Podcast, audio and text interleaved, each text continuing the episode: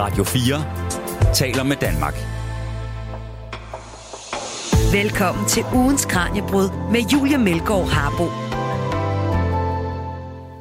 Her i søndagens udgave af Radio 4's videnskabsprogram tager vi fat på nogle af de emner, som Kranjebrud har undersøgt i denne her uge. Vi begynder med at kaste et blik på nordisk mytologi. Vi skal nemlig dykke ned i de allertidligste fortolkninger af nogle af de her fortællinger fra den nordiske mytologi, som altså er fortalt i samlinger af digte og historier, der blev nedfældet i middelalderens Island. Historier, der senere er blevet genfortalt og genfortalt i alt fra tegneserier til Hollywoodfilm og spil. De kan altså spores tilbage hertil. Bagefter vender vi vores opmærksomhed mod et uh, nyt forskningsprojekt, der har kortlagt blandt andet spædbarnsdød, og de grunde, der er til de store udsving i antallet af døde spædbørn, som man kunne se rundt omkring i Danmark i 1800-tallet. Der var nemlig stor forskel på, hvor gode chancer små børn havde for at overleve, alt efter om man boede i for eksempel København eller Randers. Derfor kigger vi nærmere på dødsårsagerne og sammenhængen med den måde, man tog sig af spædbørnene på i de forskellige dele af landet på det her tidspunkt. Du lytter til Radio 4. Først skal det handle om nordisk mytologi, og om de her edager, som det hedder. Edager er samlinger af digte, som beskriver nordiske guder og nogle af de myter, der omgiver dem. Og øh, de her fortællinger er blevet brugt til at skabe øh, storslåede blockbusterfilm, spiluniverser og et utal af bøger og tegneserier. Kranjebrudsvært Peter Løde talte med Annette Lassen, der er lektor på Institut for Nordiske Studier og Sprogvidenskab på Københavns Universitet. Hun forsker nemlig i de her edager. Vi øh, springer ind i det klip, jeg vil spille for jer nu, netop som Annette Lassen fortæller om de her to forskellige edager, der findes, og hvor stor aldersforskel der er på dem. Et af digtene er med garanti, vil jeg, jeg vil næsten æde min gamle hat på, at, øh, eller lægge hovedet på bloggen, på at de ikke er skrevet, de er ikke skrevet den samme person. Det er en, øh, der er en antikvarisk, interesseret øh, munk, sandsynligvis, som i 1200-tallet har øh, samlet de her digte til en, en øh, den her samling af digte, som vi har i Codex Regius af den ældre etter, Øh, der er nogle af, øh, af, af digtene, som, øh, som handler om, øh, om det samme. Altså for eksempel så har man øh, øh, Atlas øh, tale i to versioner. Øh, den ene bliver kaldt det grønlandske digt, øh, så man har tydeligvis i de tilfælde forskellige øh, forfattere. Øh, der, man mener også, at de har forskellige alder, de her, øh, de her digte, så, øh, så, så det er forskellige forfattere, som er eller digtere, som er på spil. Men altså, hvor har vi opdaget den her digtsamling hen, når den, når den er så gammel? Altså, hvor, hvor har, hvordan har den overlevet indtil i dag? Man genopdagede, øh, så at sige, øh, eller genfandt håndskriftet i, øh, i 1643. Der fik øh, en øh, islandsk biskop, Brynjolf Svensson, øh, håndskriftet i, øh, i sin besiddelse. Øh, Øhm, og, øh, og fra det tidspunkt får de sådan en, øh, en renaissance, de her etterdigte. Så kom håndskriftet meget tidligt til København. I 1665 øh, øh, blev øh, foræret han det til, øh, til kongen, og det kom til at indgå i øh, det kongelige bibliotek, og blev så sendt tilbage til øh hjem til, øh, til Island i, øh, i 1971. Det var et af de... Fordi man har... Det, det er sådan en lille... Det er sådan en lille bog, i, øh, i, i kvartformat, øh, og, og bladene er, øh, er mørke. Der er, ikke, øh, der er ikke nogen illuminationer eller tegninger. I, der er ikke nogen... Øh, øh, det er ikke et... Altså, det er selvfølgelig et smukt håndskrift, øh, men, øh, men det er ikke et, øh, det er ikke et, et prangende håndskrift. Øh, så det er sådan en lille uanselig bog på mange måder, men dens kulturhistoriske værdi er jo fuldstændig uvurderlig. Øh, Øh, og derfor var det vigtigt for, øh, for islændingen at få, øh, at få den her bog tilbage som, øh, som, øh, som en af de første, da, da, man, da man fik håndskrifterne. Og nu siger du, at skrift, øh, skriften måske ikke er det pæneste i hele verden, men altså, hvordan er den generelt set skrevet? Altså, hvad for et sprog er den på, og hvordan er den formidlet? Den er, det er skrevet på oldislandsk, øh, og det er øh, øh, øh, altså Islands øh, sprog i, øh, i 1270. Øh, på det tidspunkt, der var der ikke så store forskelle mellem de skandinaviske eller de nordiske sprog, så, øh, så man ville kunne øh, kommunikere øh, på hver sit, altså ligesom øh, danskere og nordmænd kan tale hver sit sprog i dag, øh, så det vil man, øh, det vil man også kunne, øh, kunne gøre dengang. Men det, det er også, og det er i princippet samme sprog som i dag. Det, der er ganske få, øh, altså ordene udtales på en anden måde, og, øh, og der er mange, øh, der er bøjninger, som er anderledes, altså grammatiske bøjninger, som er anderledes, men ellers er det det samme sprog som moderne islandsk. Og nu er vi det her med sproget, så for at forstå ordlyden og få et billede af, hvordan den her fortælling den lyder på originalsproget, så lad os øh, prøve at høre den på islandsk, dog læs på moderne islandsk af Svanborg Kristinsdottir. Det, øh, det kommer her. Byrði betri, berrat maður brautu at, en sé mannvitt mikill vegna stverra, vegra hann velli, at en sé ofdrykja öls. Er á svo gót sem gót kveða, öl alda svona, því að tværa veit, er fleira drekkir sinn geði gumi. Óminnis hegri heitir, sá er yfir öldrum þrumir, Hann stelur geði guma þess fugglsfjöðrum, eg fjötrað vark i gardi Gunnlaðar. Det her citat, det her, har jeg fået at vide, stammer fra den del, der hedder Den høje tale i den ældre Edda. Og det er jo en af de to fortællinger, som du har valgt at- fremhæve i, i programmet i dag. Altså, hvorfor er den, den høje tale interessant? Den er, øh, altså for det første, så er det et meget langt digt, så der er rigtig meget information, som man kan pille ud af det. Og, øh, og for det andet, så, øh, så er der også øh, nogle vældig øh, øh, centrale beretninger øh, om Odin i det digt. Øh, altså selve rammen, som jeg nævnte øh, øh, før, er, øh, er Odin, som, øh, som giver alle de her gode råd. Altså her for eksempel, hvor han siger, at man skal ikke drikke for meget. Nå, det var det, han sagde. Okay. Ja, ja blandt andet. Øh, og så er der beretninger om, hvordan han selv har drukket for meget. Og øh, øh, der er øh, øh, beretninger om, øh, om hans selvhængning, øh, hans, han, øh, hvordan han på verdenstræet øh, offrer sig selv til sig selv, øh, og, øh, og på den måde får øh, runerne. Der er beretninger om, hvordan de to køn øh, snyder hinanden.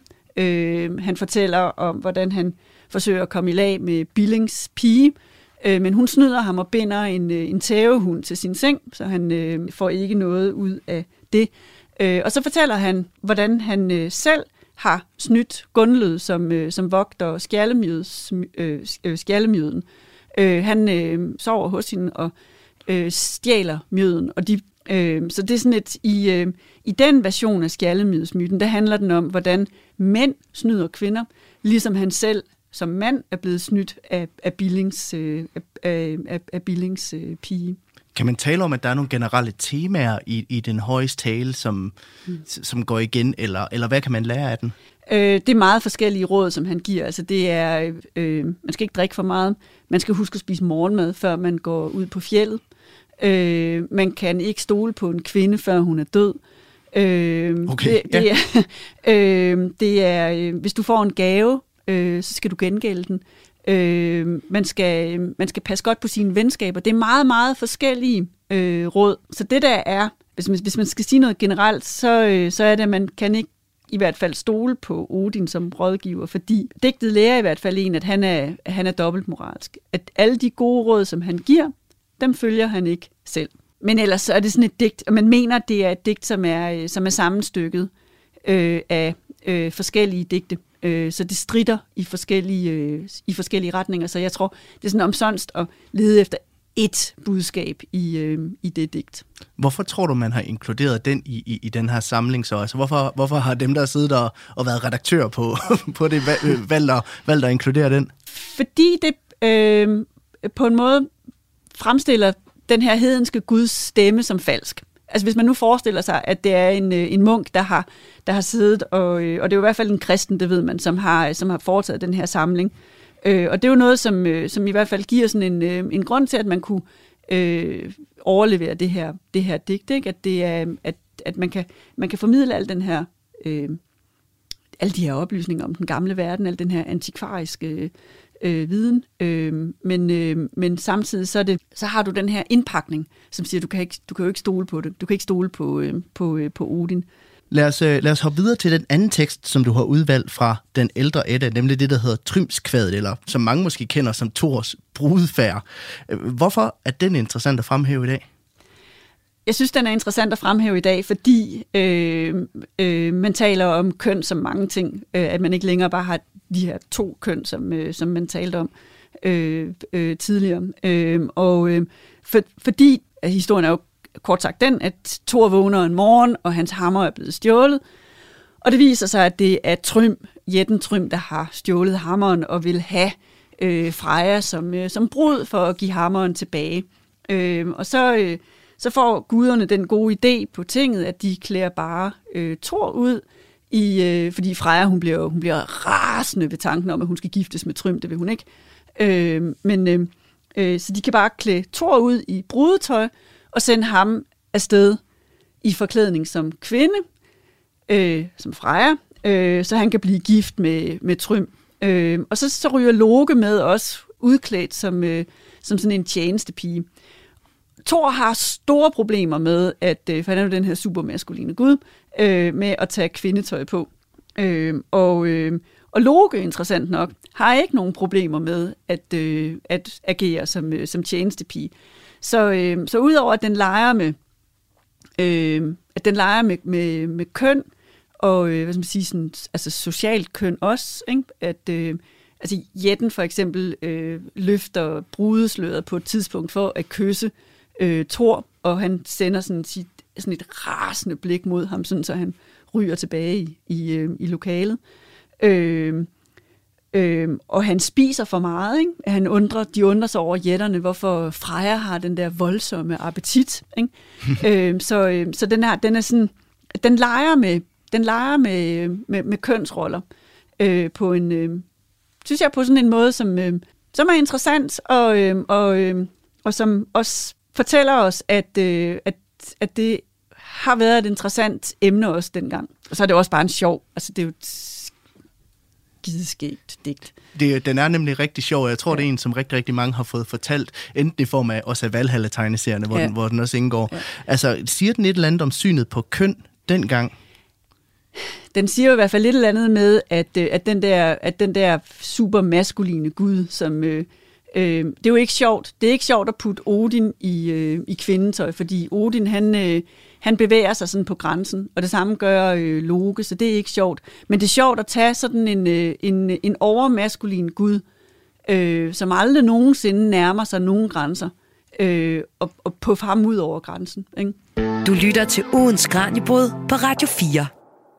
Men øh, den yngre Edda, der ved vi jo, det er netop Snor Sturluson, der, der, der står bag og, og har nedskrevet det her, måske ud fra, fra nogle af de, de, de Edda-digte, der, der indgik i en ældre Edda. Altså, hvem var han, og hvad var hans motivation for at, at kaste over det her?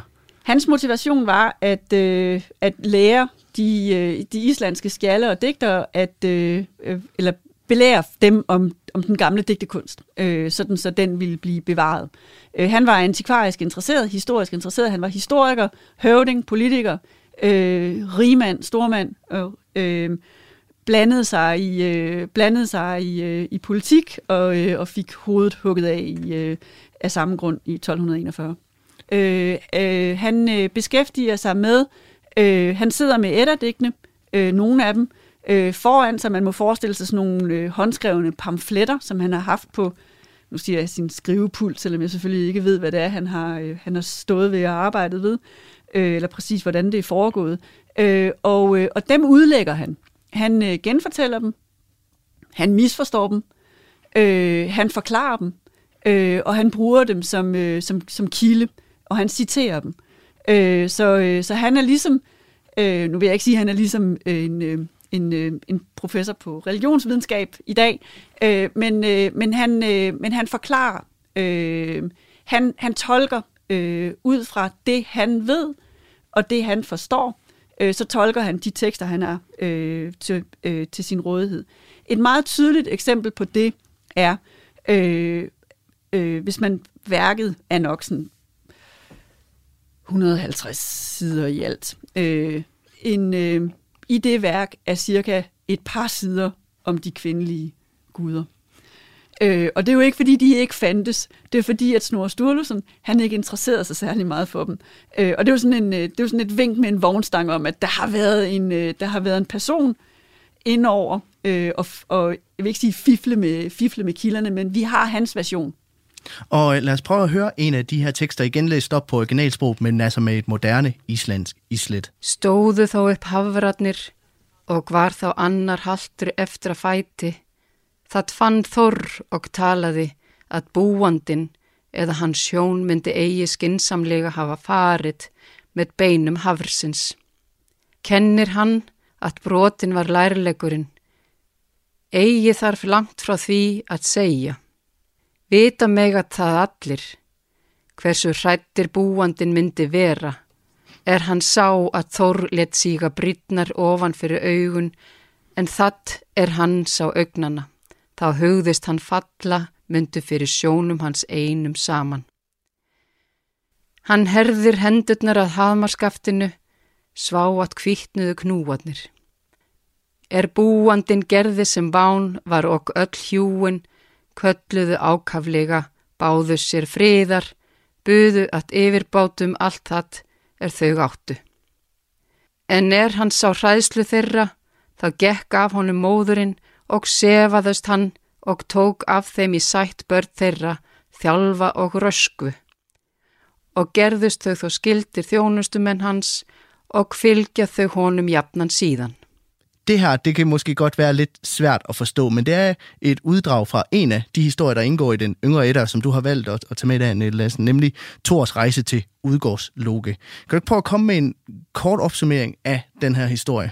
Øh, jo, den går ud på, at, øh, at Thor bliver snydt, så vandet driver. Øh, han, øh, han, tager, øh, han er på, øh, på rejse øh, sammen med, øh, med, med Loke, blandt andet til, øh, til Udgårdsloke, hvor de bliver øh, udsat for øh, øh, forskellige, de skal dyste øh, mod hinanden, og der bliver de udsat for, øh, for forskellige øh, magiske tricks, som, øh, som Udgårdsloke og, øh, og, og jætterne øh, øh, mestre, og som, øh, og som øh, Thor og hans øh, flok ikke forstår. Han bliver øh, øh, kæmper blandt andet mod, øh, mod øh, Midgårdsormen, øh, mod alderdom, Elle, øh, bliver sat til at drikke af et øh, drikkehorn, øh, og der bliver dystet af det logo, som gør det mod, øh, mod, mod ilden selv, og mod, øh, øh, og, og hvad hedder det, øh, der bliver dystet mod øh, tanken, øh, som, øh, øh, som fænomener, øh, som man ikke har en, øh, en, en chance imod. Øh, Thor, som ikke er berømt i nogen historier for, øh, og måske bortset fra et etterdigt faktisk, øh, men, øh, men ellers så er han ikke kendt for sin, øh, for sin skarphed, øh, mere, for, øh, mere for sin evne til at slå hårdt.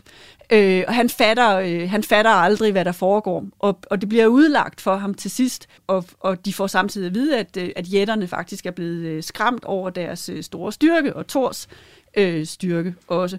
Øh, og så siger det buff, og så er, øh, er hele øh, den, hvad skal man sige, palads eller det sted, øh, hvor de har dystet, det er væk. Og så står de på sådan en pløjemark, øh, og er blevet snydt, så vandet øh, driver. Og den her practical joke, altså historien om en practical joke, altså hvorfor er den, den interessant? Hvorfor har du taget den med i dag? Den er interessant, altså igen ikke, så det er jo en super god historie. Den er interessant på mange forskellige måder. Øh, både at, øh, at vi som mennesker, vi forsøger hele tiden at øh, øh, kæmpe imod bestemte fænomener. For eksempel øh, alderdommen, øh, som, øh, som vi bliver ved med at forsøge at kæmpe en inde et kamp imod, men vi bliver ved, og det ved vi jo også godt, at vi vil nødvendigvis blive ved med at tabe.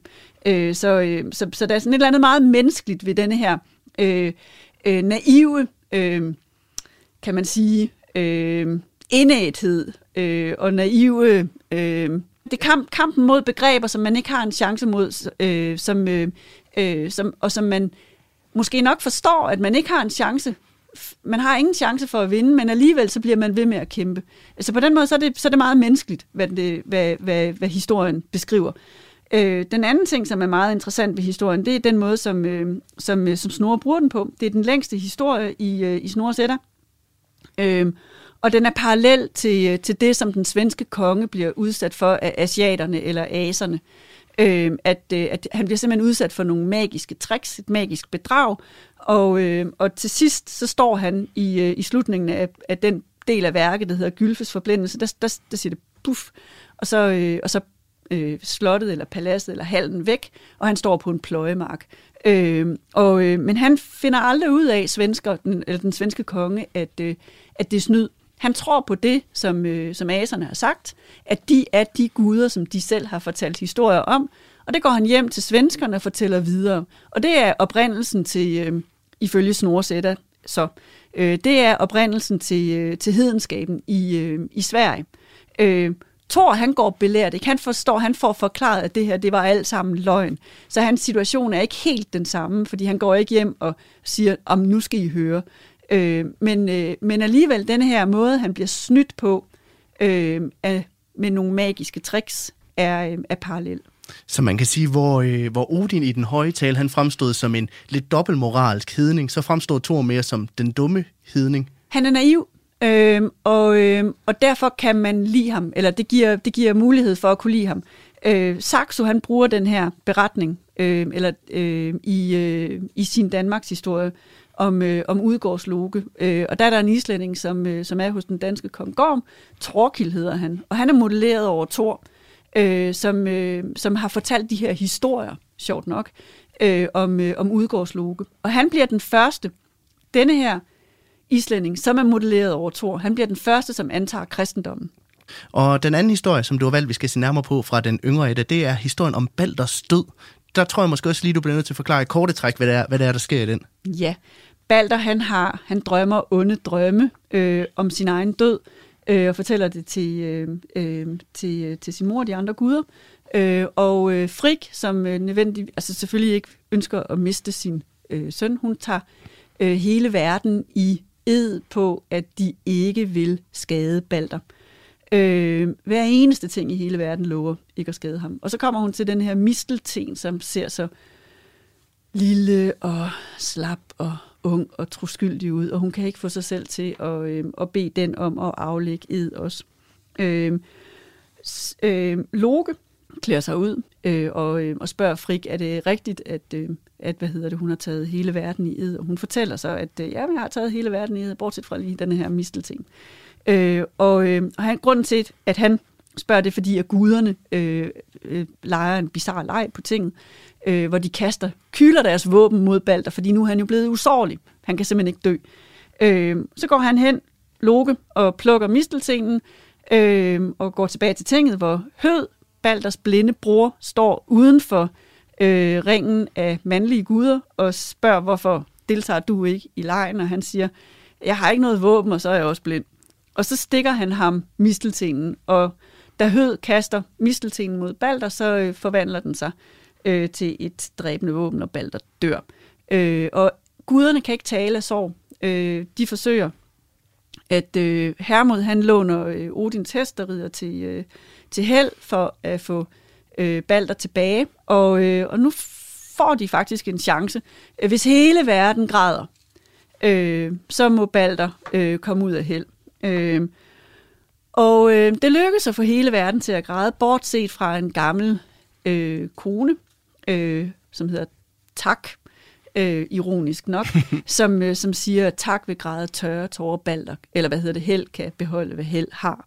Øh, så, øh, og den person, den gamle øh, kælling, øh, mener guderne var loge i forklædning. Øh, men altså, øh, så Balder må blive i held. Hvad, hvad, hvad kan vi lære af den her fortælling? Altså, hvorfor taler den til os den dag i dag? Fortællingen taler til os i dag, fordi øh, den handler om dødens uafvendelighed.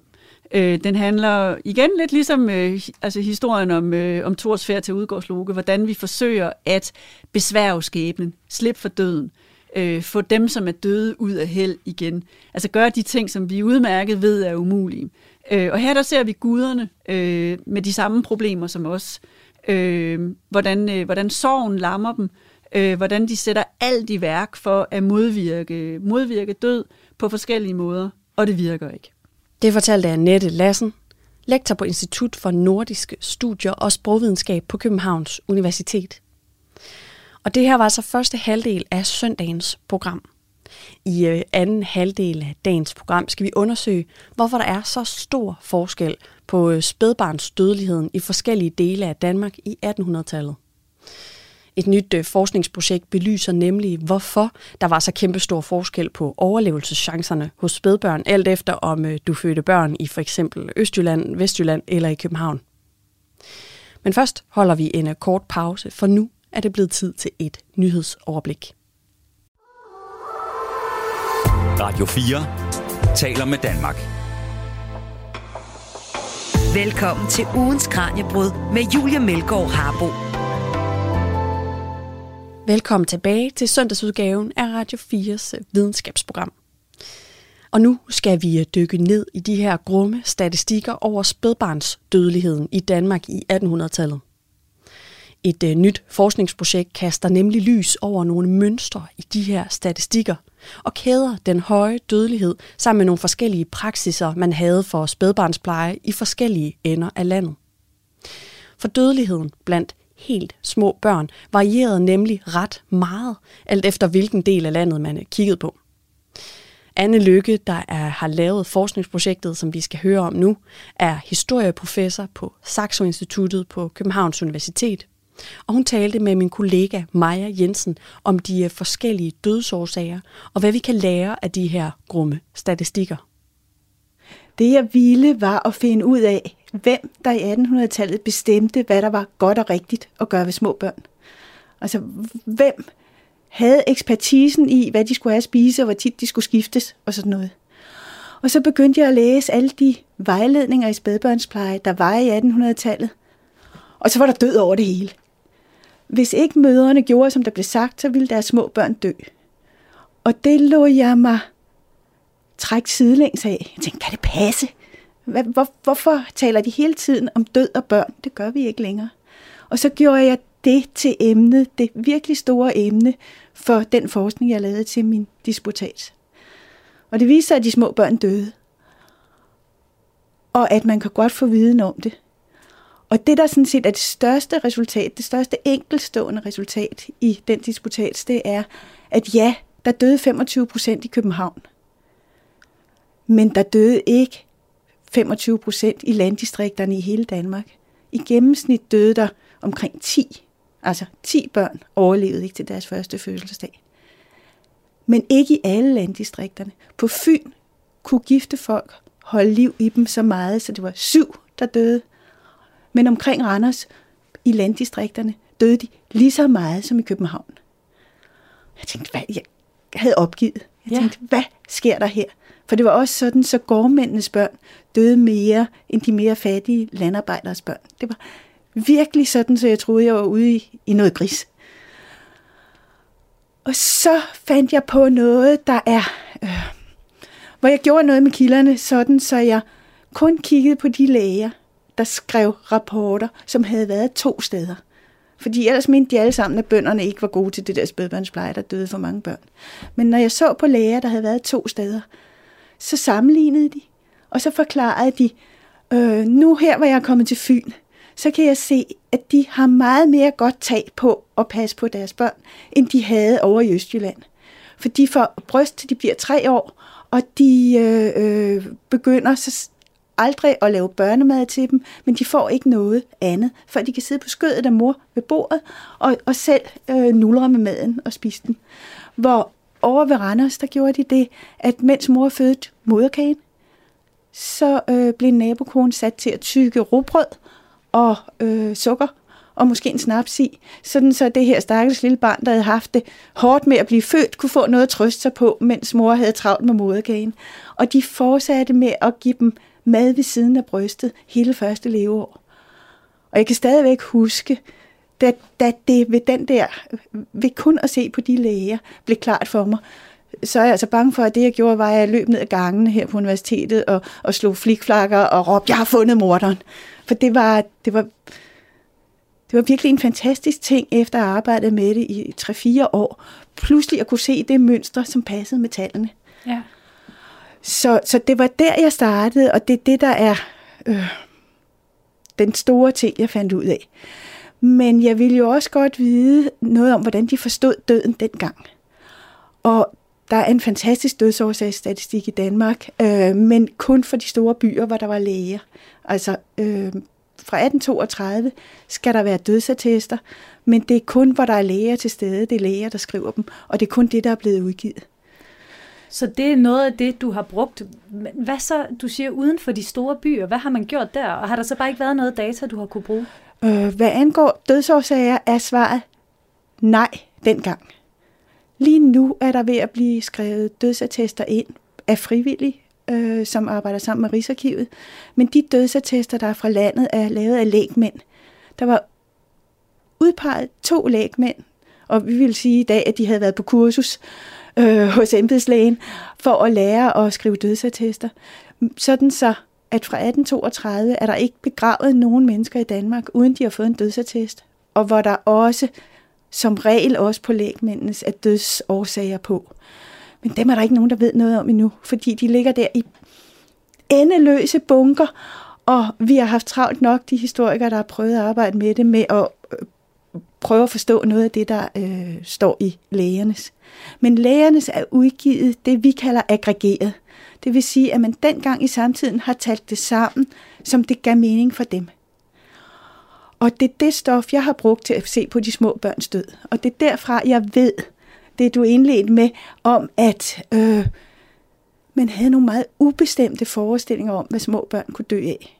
Jeg konkluderer i, øh, i øh, disputatsen, at man kan sådan set sige, at øh, de, de mente, at små børn, altså under et år, kunne dø af barndom. Man anså dem for så skrøbelige, så der ikke behøvede en sygdom som grund til det. De kunne sidde på skødet af deres mor og smile og være glade, og så fik de kramper, og så døde de. Hvor det, der så skete fra, fra 1875 og frem mod 1910, det var, at flere og flere børn fik en sygdom som deres dødsårsag. Og samtidig begyndte lægerne så at forske i det. Sådan så da det nye Rigshospital blev lavet i 1910, så blev børneafdelingen, altså babyafdelingen vil vi kalde det i dag, lavet for at udrydde mavetarmsygdomme, som var det, øh, alle de der ubestemte årsager øh, viste sig at være et mere moderne videnskabeligt sprog. At de havde fået noget mad, de ikke kunne tåle at spise, eller de øh, øh, var blevet smittet af mavetarminfektioner, bakterier med øh, fluer. Altså, ja. forestil dig øh, august måned, et sted, hvor der er fyldt med heste og køer.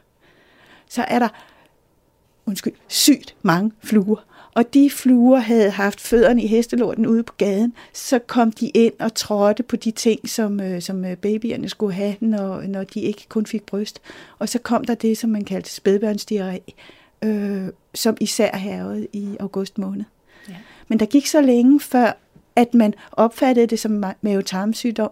Ellers så talte man om spædbørnstæring, som at de bare ikke rigtig kom i trivsel, at de ligesom synede væk, at de ikke kunne tage imod deres næring. Ja. Eller man øh, talte om kramper, altså at man at lige pludselig så rystede de, og så døde de.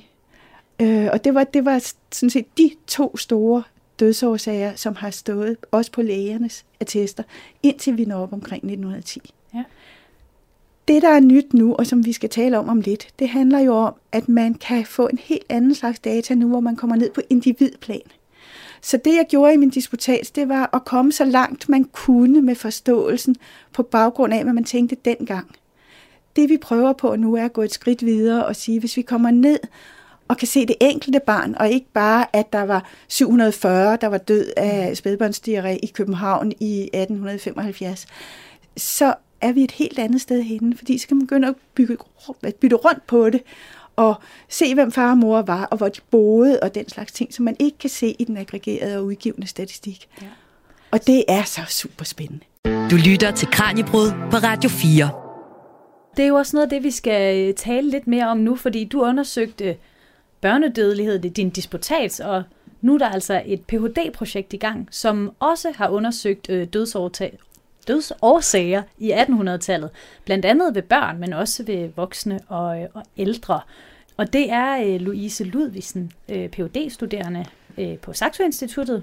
Og nu sagde jeg jo lige helt overordnet, at der, det også handler om dødsårsager, men vil du ikke beskrive lidt nærmere, Anne, hvad er det øh, Louises projekt det går ud på?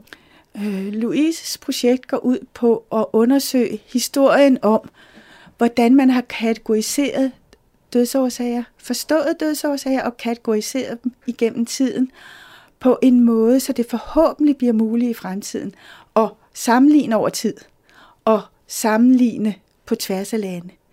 Øh, Louises phd øh, projekt er en del af Link Lives, og Link Lives er med et stort projekt, som øh, øh, på tværs af landegrænser, der er hollændere med, og der er folk fra Storbritannien, og der er øh, svenskere og nordmænd og tyskere og mange forskellige, hvor vi prøver at arbejde med, om kan vi finde på måder, hvor vi kan kategorisere ting, så vi både bevarer forståelsen for de øh, historiske dødsårsager, men også kan sammenligne, selvom man kaldte dem noget andet. Og det skal vi nok komme til, men vi er midt i arbejdet, og Louises øh, Øh, phd afhandling er en vigtig del af det. Så hvis jeg skal fortælle det fuldstændig konkret, så hun startet med at få alle dødsårsager for alle, der er døde fra 1862 til 1912, som skrevet ind af frivillige i samarbejde med Københavns Stadsarkiv fra det, der hedder begravelsesprotokollerne der, Københavns begravelsesprotokoller. Og der er også dødsårsager på. Og ved at have dem, og ved at, at have navnen på, navnet på personen, og øh, hvad de har lavet og sådan, så kommer vi pludselig ned, sådan som man med dataanalyse kan øh, lave nogle andre grupperinger end dem, som, øh, end dem, som øh, man havde i datiden. Og det er det, Louise arbejder med. Og hun startede med at prøve at se på spædbørnene, fordi der er ikke, der er ikke lige så mange ting, spædbørn plejer at dø af, som, øh, som vi kan, når vi er øh, noget ældre. Og der er mere forskning i det, så der var mere at sammenligne på. Hmm.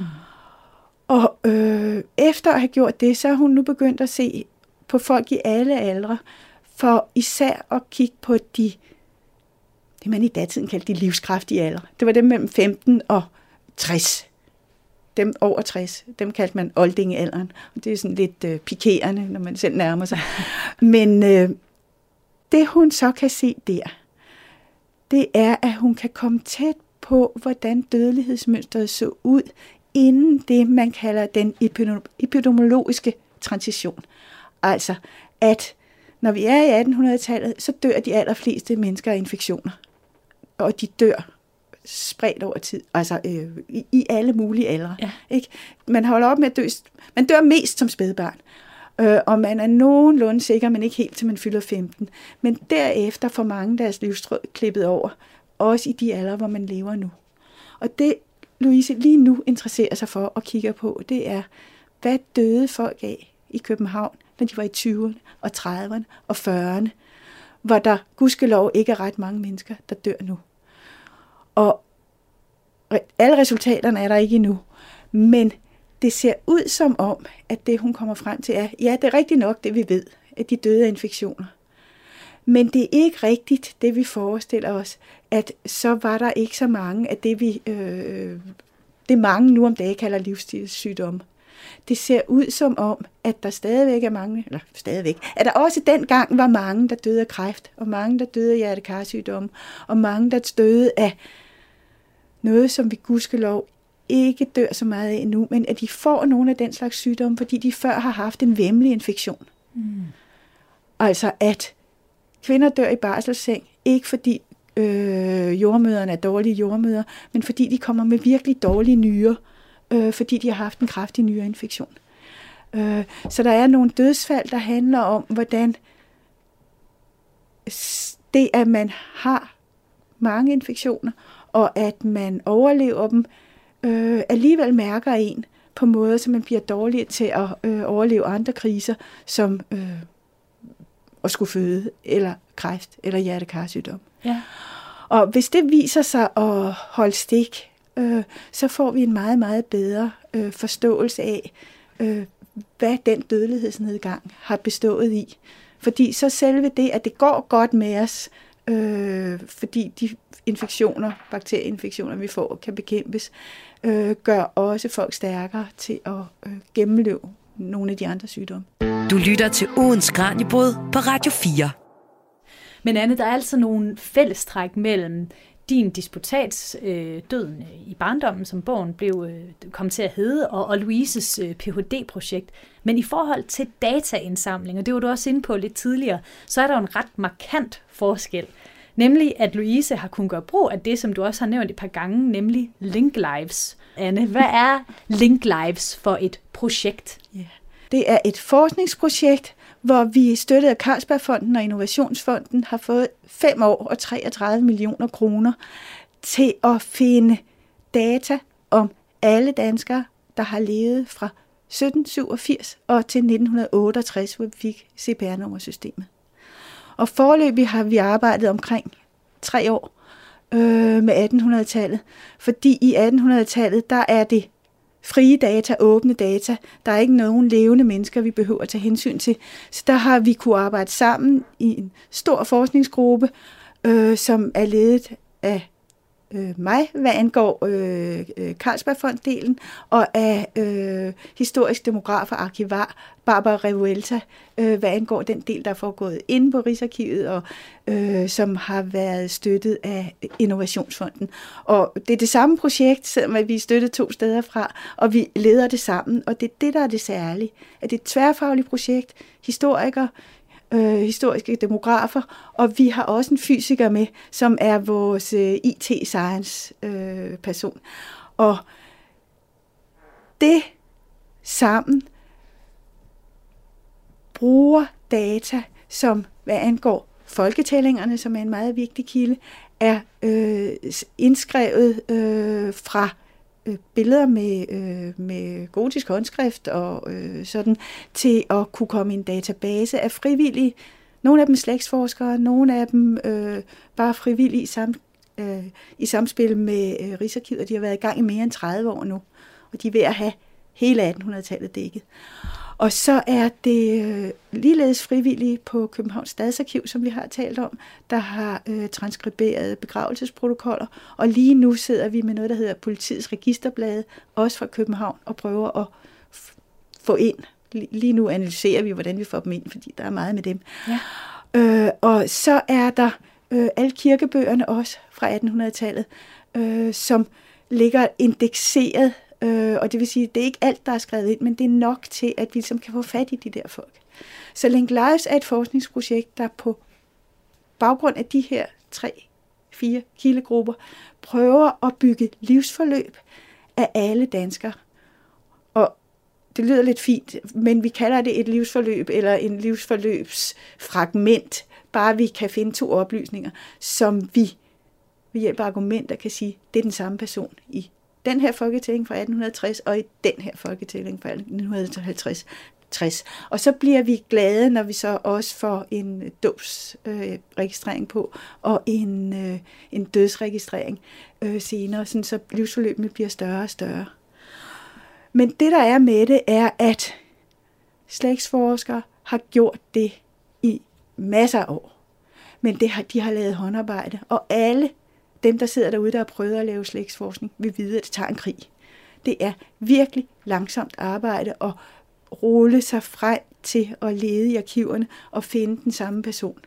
Så hvis vi skulle bruge de samme metoder, øh, så kom vi aldrig nogen vejen. Så det vi gør, det er, at vi har historikere siddende og lave træningsdata, for vi kan blive klogere på, hvordan, hvordan gør man, når man skal argumentere for, at det er den samme person i to registreringer i forskellige kilder. Ja. Men så laver vi øh, øh, algoritmer, vi laver computerprogrammer, der kan sige, hvis en person har et navn, der er næsten det samme, og er født det samme år, har, har næsten den samme alder, plus minus et år, og har det samme fødesovn, så tror vi, det er den samme person, med mindre der er flere kandidater til det. Øh, I starten, hvis der var flere kandidater, så røg de ud. Så linkede vi ikke. Men de data, vi har i Danmark, er så fine, hvad angår folketællingerne. Så vi har alle familierne skrevet op i folketællinger på en måde, så vi kan sige, okay, vi kunne linke 50 procent af dem alle sammen ved hjælp af de der første regler. Men hvis vi ser på husstanden, så kan vi se, at konen hedder det samme, og de har tre børn med samme mellemrum, som, øh, som også har samme navn. Så kan vi lægge et, tage et lag ekstra med, som, øh, som vi kan kende på grund af, øh, hvordan deres husstand så ud. Og på den måde, så kan regelbaseret linkning komme temmelig langt op. 60 procent. Ja. Sådan noget kan den fange. Men historikerne og slægtsforskerne, hvis du laver lidt slægtsforskning derhjemme, eller din mor, kan komme meget længere. Altså, vi kan fange levende mennesker, der har øvet sig, kan fange et sted mellem 85 procent af alle indbyggerne i et sovn, og 93-95. Så det vi arbejder med lige nu, det er at lave øh, machine learning, som det hedder på godt dansk. Altså øh, de links, som historikerne har lavet, øh, lave nogle algoritmer, som kan forklare maskinen, at den skal gøre lige sådan. Og i lang tid, så gik det meget godt, forstået på den måde, at når vi tog et lille område, så øh, fik vi en meget, meget høj linkningsrate, og som også var rigtig i forhold til det, øh, historikerne lavede. Men, men det tog for lang tid. Ikke? Den skulle køre fem uger for at køre hele Danmark, og der kunne den jo nå at gå i stå mange gange og lave mange fejl.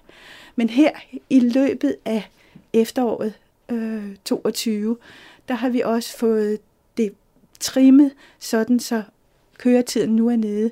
Så i løbet af de næste par måneder kommer der nye links ud på den hjemmeside, hvor man selv kan søge. Øh, og der kommer nye, et, et nyt datasæt ind på Rigsarkivet, som forskere kan øh, downloade, øh, hvor det er machine learning baserede links, der kommer i. Øh, så, så på den måde rykker vi os hele tiden, og vi, meningen er jo, at maskinerne skal blive lige så gode som historikerne. Det var, det var der, vi startede. Ikke? Det var, at, at jeg tænkte, at øh, det måtte være muligt med den nye teknik at nå dertil, så vi kunne dække hele befolkningen næsten lige så godt som historikerne. Og ja. nu tror jeg på, at vi når til det. Først var det en drøm, men nu tror jeg, at der kommer vi til. Ja. Og, og Link Lives, den går jo fra 1787, og det er jo der, mm. hvor vi har den første folketælling. Men vi er vel også ret heldige, at vi i Danmark har alt den her data. Altså er det ikke nemmere i et land som Danmark, som virkelig har skrevet rigtig meget ned siden 1787, når vi sammenligner med, med andre lande? Danske kilder er helt fantastiske. Fordi når vi er færdige med det, altså når vi er færdige med at bygge det her skelet, så er der så meget andet, vi kan tage fat i. Man kan øh, vide, hvor høje alle de unge mænd, der gik på session, var, også tilbage til 1700-tallet. Man kan øh, få fat i 4 millioner patientjournaler fra Rigshospitalet, som kan linkes op. Der ligger tusindvis af erindringer øh, på Nationalmuseet, som kan linkes op.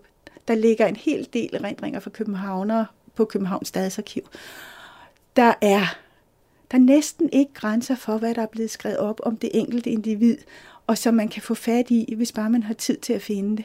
Så det betyder, at det, der er vores drøm, selvom at du, øh, det, på mig lyder det sådan lidt frækt, når du kalder det en søgemaskine. Ja, det.